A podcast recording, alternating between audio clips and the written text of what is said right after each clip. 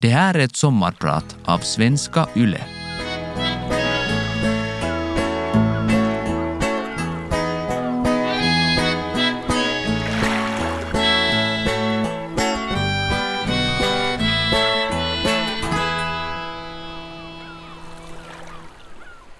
Varför sover vi? Varför behöver egentligen människor somna inom kvällen för att vakna nästa morgon? Hela mitt vuxna liv har jag tänkt på den frågan. Både när jag lägger mig under täcket och när jag forskar på universitetet har jag försökt besvara den frågan. Under de senaste åren har min frågeställning skiftat fokus och jag har istället haft lust att fråga varför vakar vi människor? Varför sover vi så mycket sämre idag? Är det för att idealet säger att vi ska sova lite eller har vi bara inte insett att sömnen är fullständigt avgörande för vårt välmående? Oavsett behöver kroppen sömn. Vi kan inte vara vakna om vi inte sover emellan. Så har människan fungerat genom hela evolutionen. Jag är Tarja Stenberg, sömnforskare och lärare på Helsingfors universitet.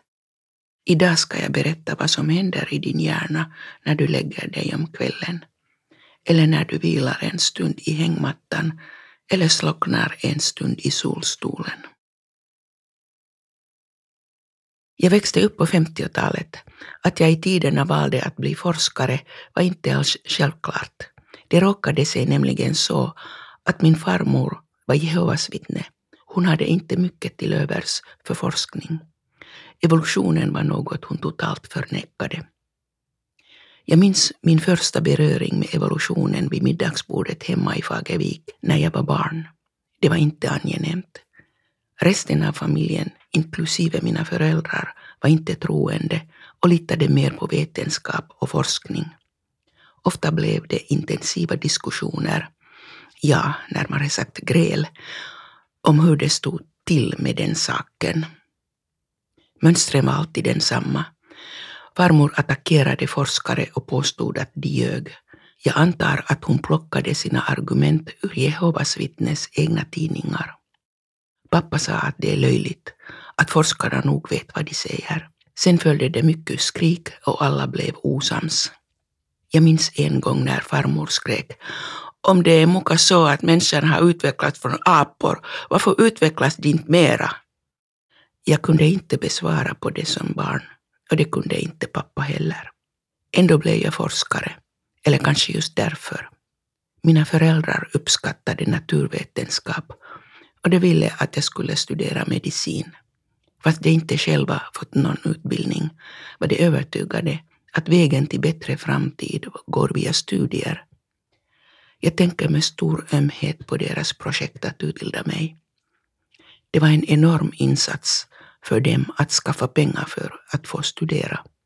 Skolan var ju inte gratis. Man måste själv köpa böcker, häften och allt material för studierna. Av sina obetydliga pengar köpte de mig till och med ett mikroskop som ingen av oss kunde använda. Vetenskapskvinnan Marie Curie var min stora idol. Hon är den enda kvinna som har fått Nobelspriset två gånger. Inte ens i mina vildaste drömmar kunde jag hoppas att en dag få bli en riktig forskare. Det tog sin tid innan jag kom in på universitetet. Jag kommer mycket väl ihåg neurofysiologikursen på andra året av mina medicinska studier. Jag läste och läste och läste om hjärnan och tyckte att det var det mest fascinerande som jag någonsin läst. Men kursen gick vidare det var dags för farmaci och jag måste börja plugga om läkemedel. Och jag var så arg. Varför kan vi inte studera ordentligt om hjärnan? Redan här visste jag att jag ville bli forskare. Men jag hade ingen aning hur man gör. Jag gick in till professorn i medicinsk kemi, Nils-Erik Saris, och frågade hur blir man forskare? Han såg förvirrad ut jag antar att ingen hade tidigare kommit till honom med en sådan naiv fråga. Han började osäkert att jo, det är väl på, på, på det sättet att man börjar liksom, um, liksom hänga vid labbet och sen så, så, så småningom blir man forskare. Då var det min tur att se förvirrad ut. Men så småningom lärde jag mig att hänga vid labbet och på den vägen är det. När jag började forska om hjärnan för 40 år sedan sades det att den var alltför komplicerad för att någonsin kunna studeras med naturvetenskapliga metoder. Det fanns också någon slags motvilja till det. Jag är inte riktigt säker på varifrån motviljan kom, men kanske någonting i den stilen att det skulle vara skadligt för moralen att lära sig om hjärnan, som är den heligaste i människans fysiologi. Hjärnan och moralen är ju det som gör oss till människor, som skiljer oss från djur. Tanken att vi har utvecklats från djur var alldeles tillräckligt motbjudande. Det var en helt enkelt otänkbart att våra fina tankar och känslor skulle kunna mätas och analyseras. Det skulle ju smutsa ner all värdighet i människans tillvaro. Vid den tiden ansåg många forskare att det möjligtvis fanns en giltig orsak att studera hjärnan, men sömnen, det var ju alldeles löjligt. Många kollegor smålog hövligt när jag berättade att jag studerade sömn. Då var jag oftast den enda kvinnan i rummet och jag antar att de tänkte jojo lilla flickan, forskar du bara i sömn? Men det fanns nog kollegor som gapskrattade när jag presenterade mina idéer om sömninducerande molekyler. De tyckte min forskning var en riktigt bra vits. När jag inledde min karriär som ung hjärnforskare var jag naturligtvis intresserad av de stora frågorna i livet, som till exempel den fria viljan. Den har ju varit en av de mest uppskattade tankarna inom filosofi och religion, att människan är fri att välja hur hon tänker och agerar. I början av 70-talet besökte professorn och nobelpristagaren Andrew Huxley en av 70-talets mest berömda neuroforskare i Helsingfors. Alla som hade någonting med neuroforskning att göra satte sig i fysiologiska institutionens stora föreläsningssal vid Brobergsterrassen. Vi studenter kom till salen spända av förväntan.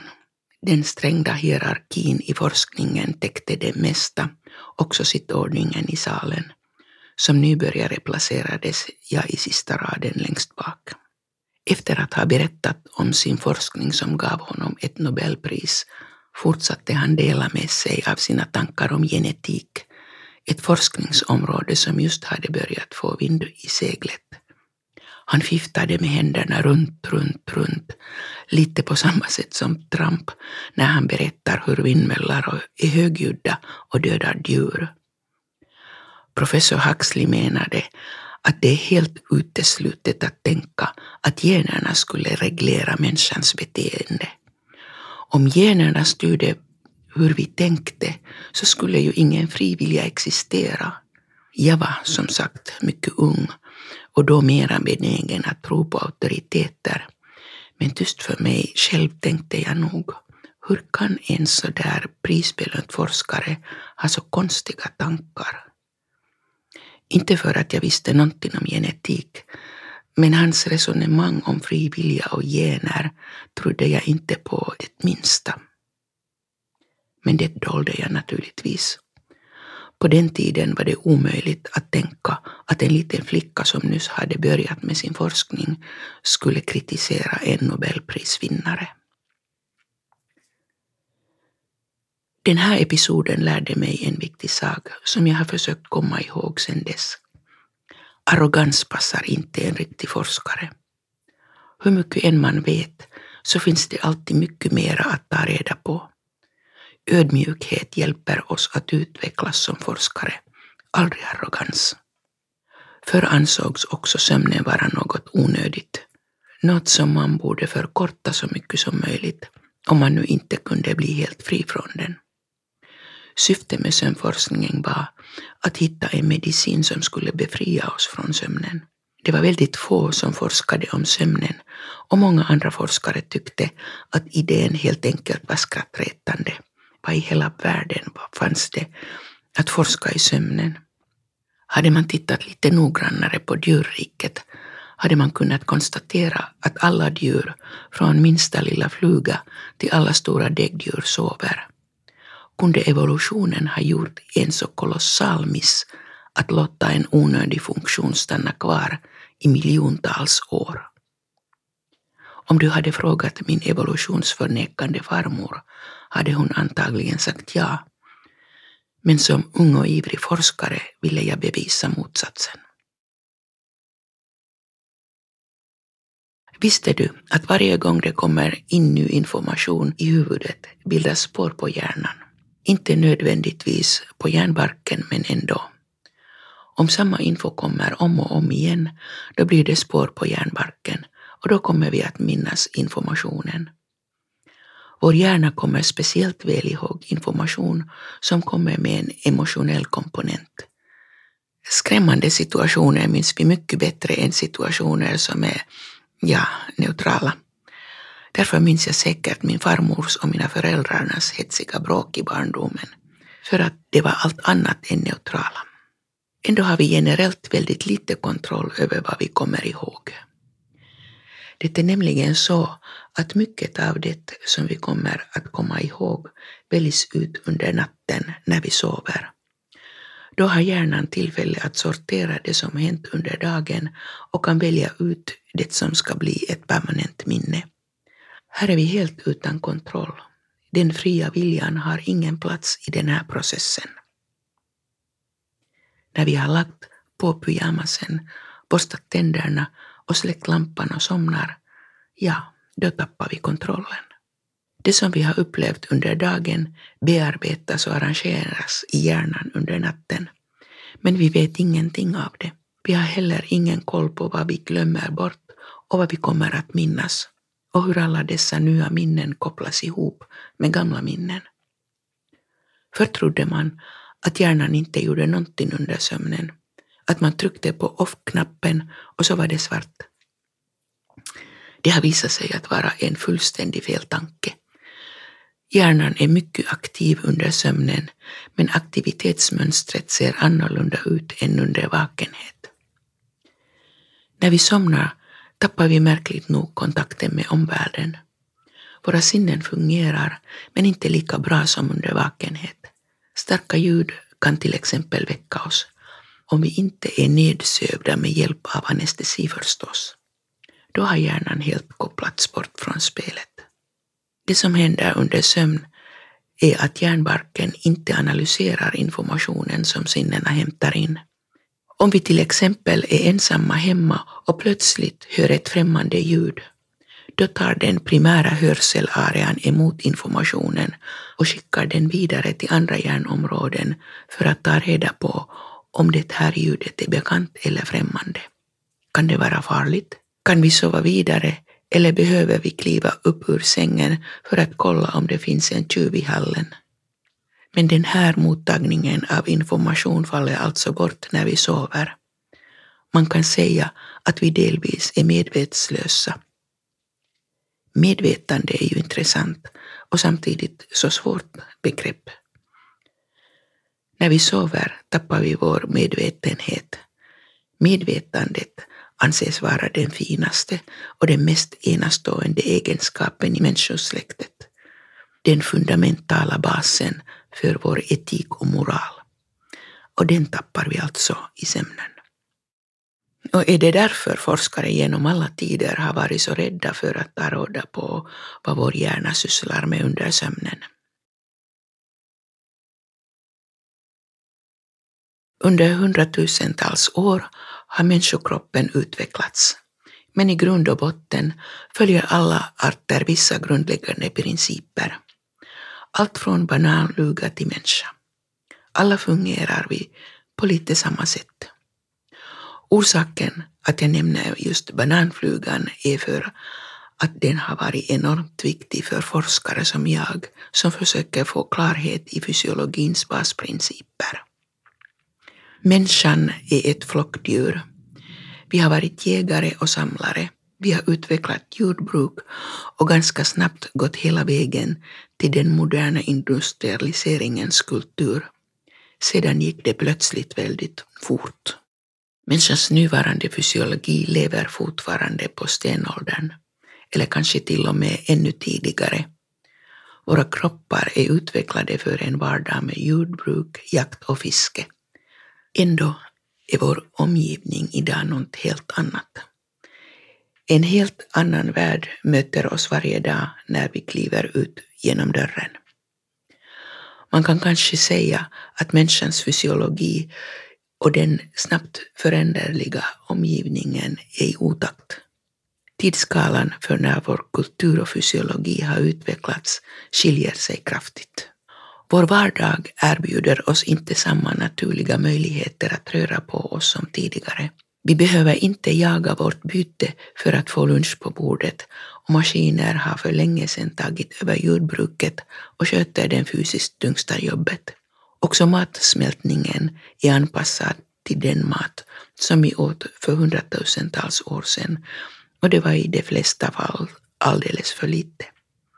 Därför har människokroppen utvecklat mekanismer som i det yttersta tar vara på minsta lilla möjliga molekyl som kan användas för att producera energi. Kroppen är med andra ord helt outrustad för dagens överflöd av näringsämnen. Kort sagt, den vet inte var man kan lagra all den energi som vi, speciellt här i västvärlden, lassar in.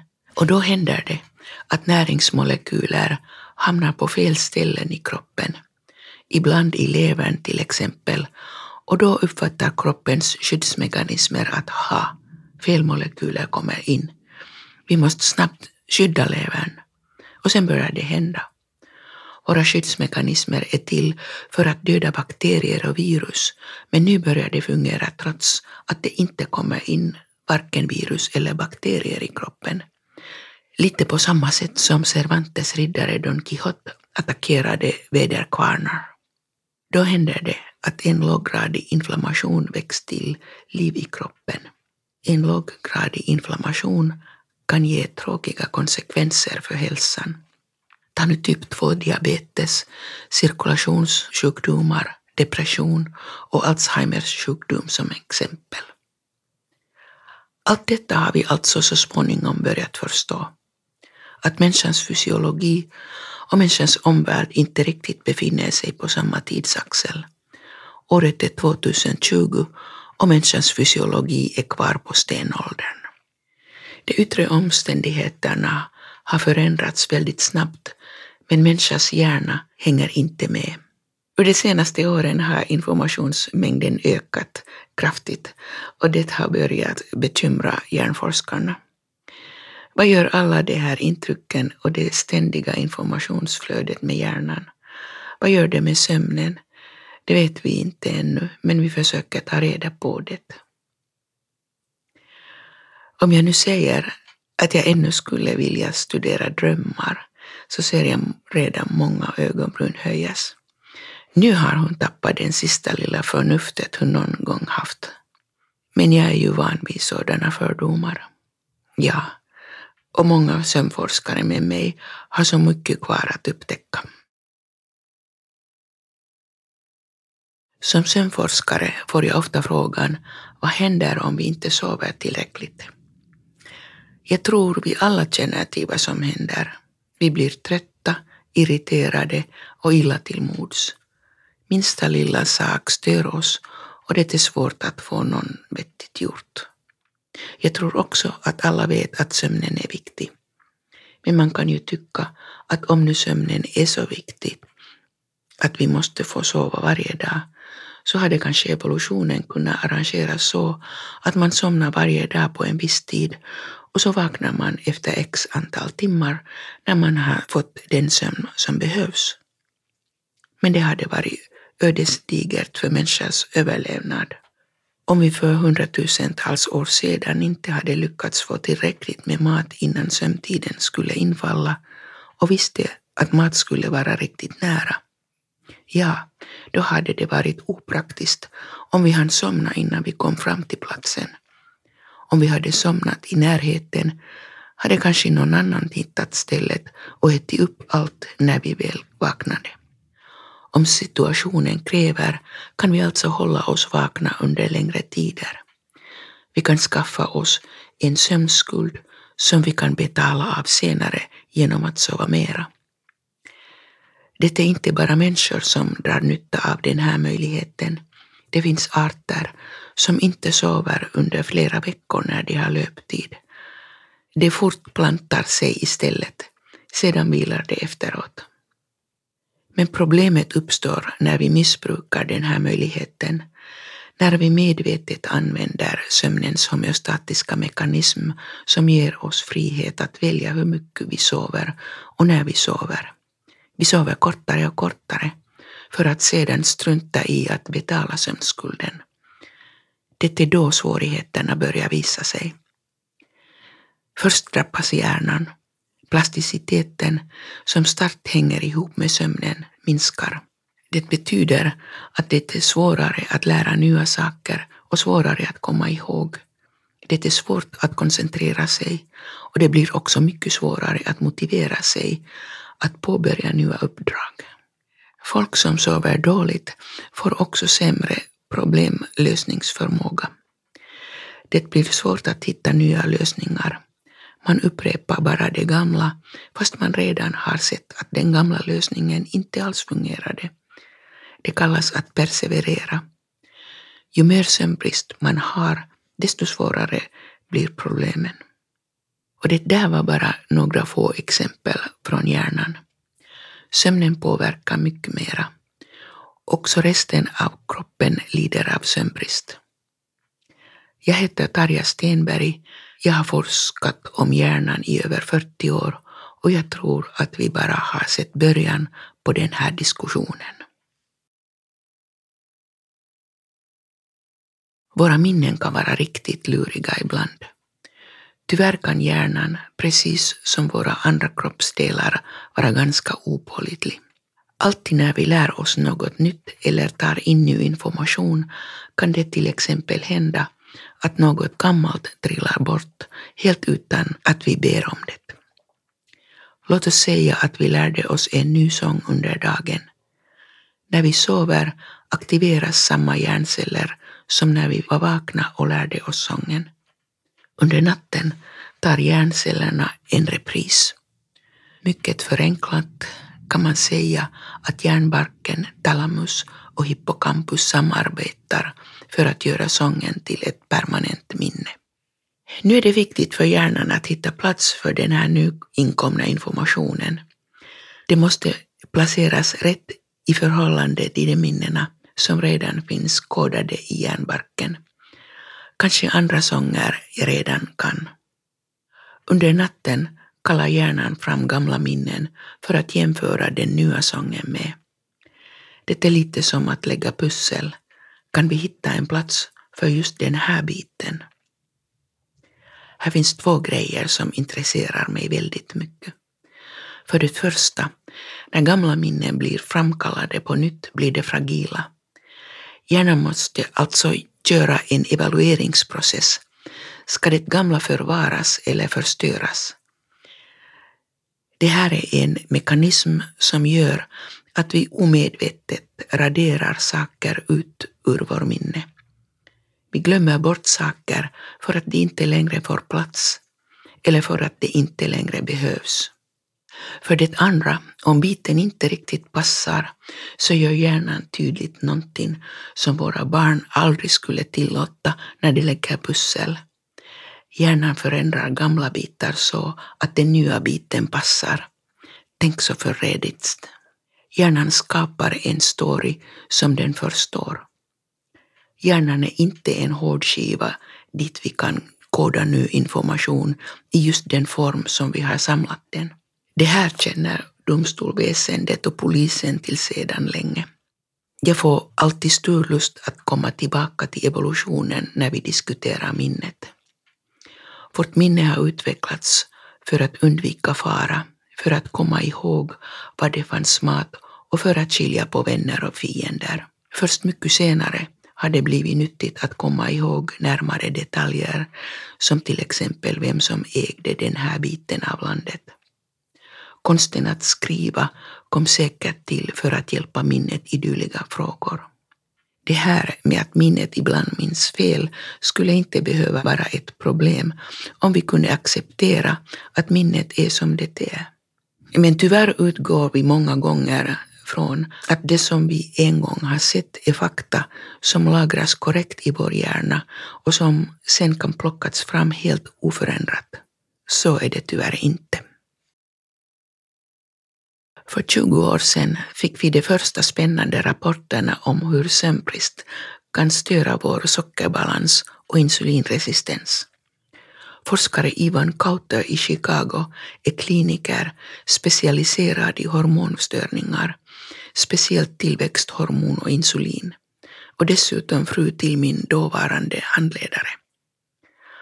Hon utförde ett experiment där unga friska män förkortade sin sömn till hälften av det som de vanligen sov, alltså fyra timmar per natt under fem dagar.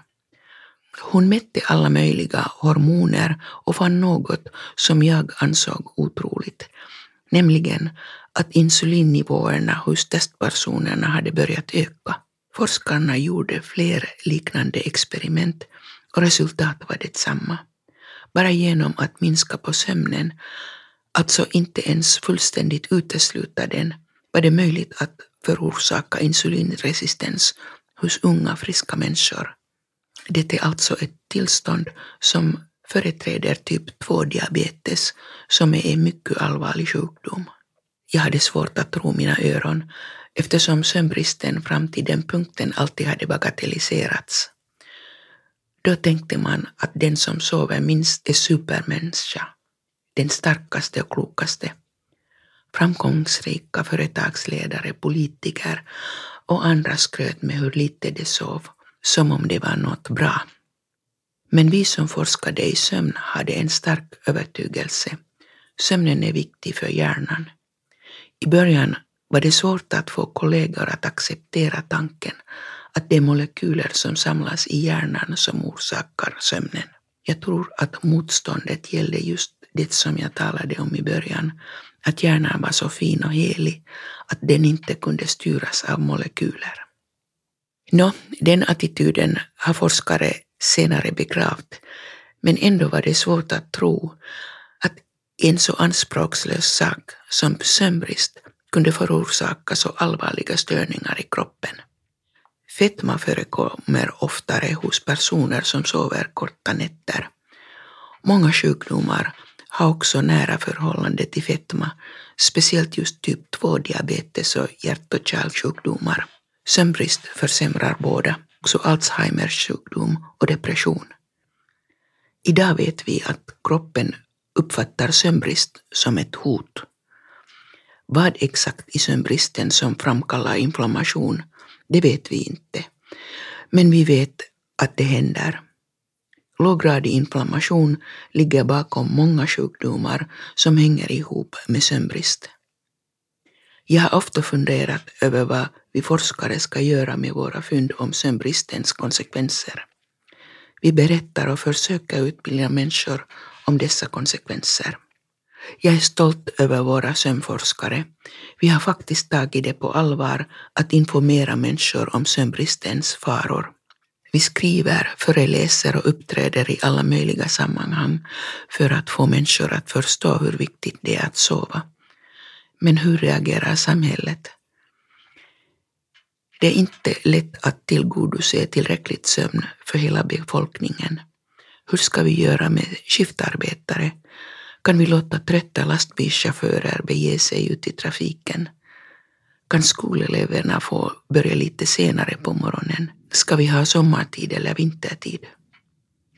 Allt har enorma ekonomiska och sociala konsekvenser. Det är inte forskarnas sak att fatta beslut, det hör till politikerna. Men vi måste ge dem korrekt fakta så att de kan fatta sina beslut på rätt grunder. Människan har i alla tider sökt sina gränser. Vi har undersökt hur långt vi kan sträcka oss, hur hårt vi kan pressa oss. Vi vet ungefär hur länge vi kan gå utan mat, hur länge vi klarar oss utan dricka, hur länge vi klarar oss ute i kölden och hur länge vi kan vara inne i en 80 graders varmbastu. Kroppen kan och vill ganska mycket. Men alla dessa avvikelser har också en gräns. Vår fysiologi har individuella men ganska klara ramar.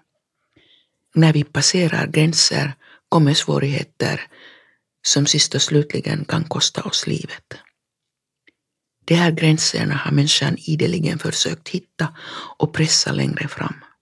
Störst blir skadan när vi inte känner till gränser för kroppens fysiologi, när vi struntar i vad vi kan tolerera och vad som gör oss sjuka.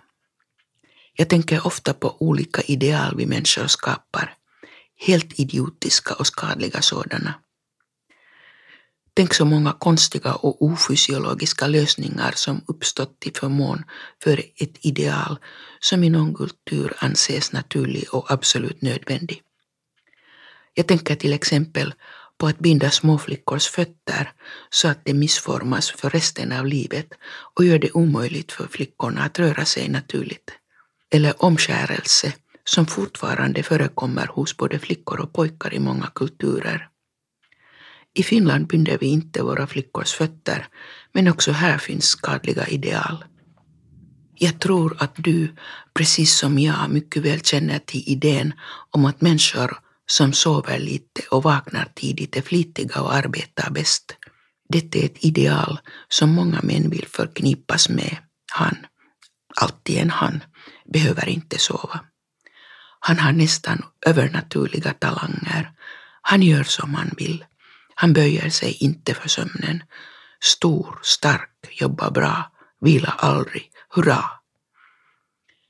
Tack och lov har forskningen krossat den långlivande myten. För lite sömn gör oss sjuka, glömska och irriterade. Det gör mig väldigt glad att finländarna sakta börjar uppskatta och prioritera sin sömn.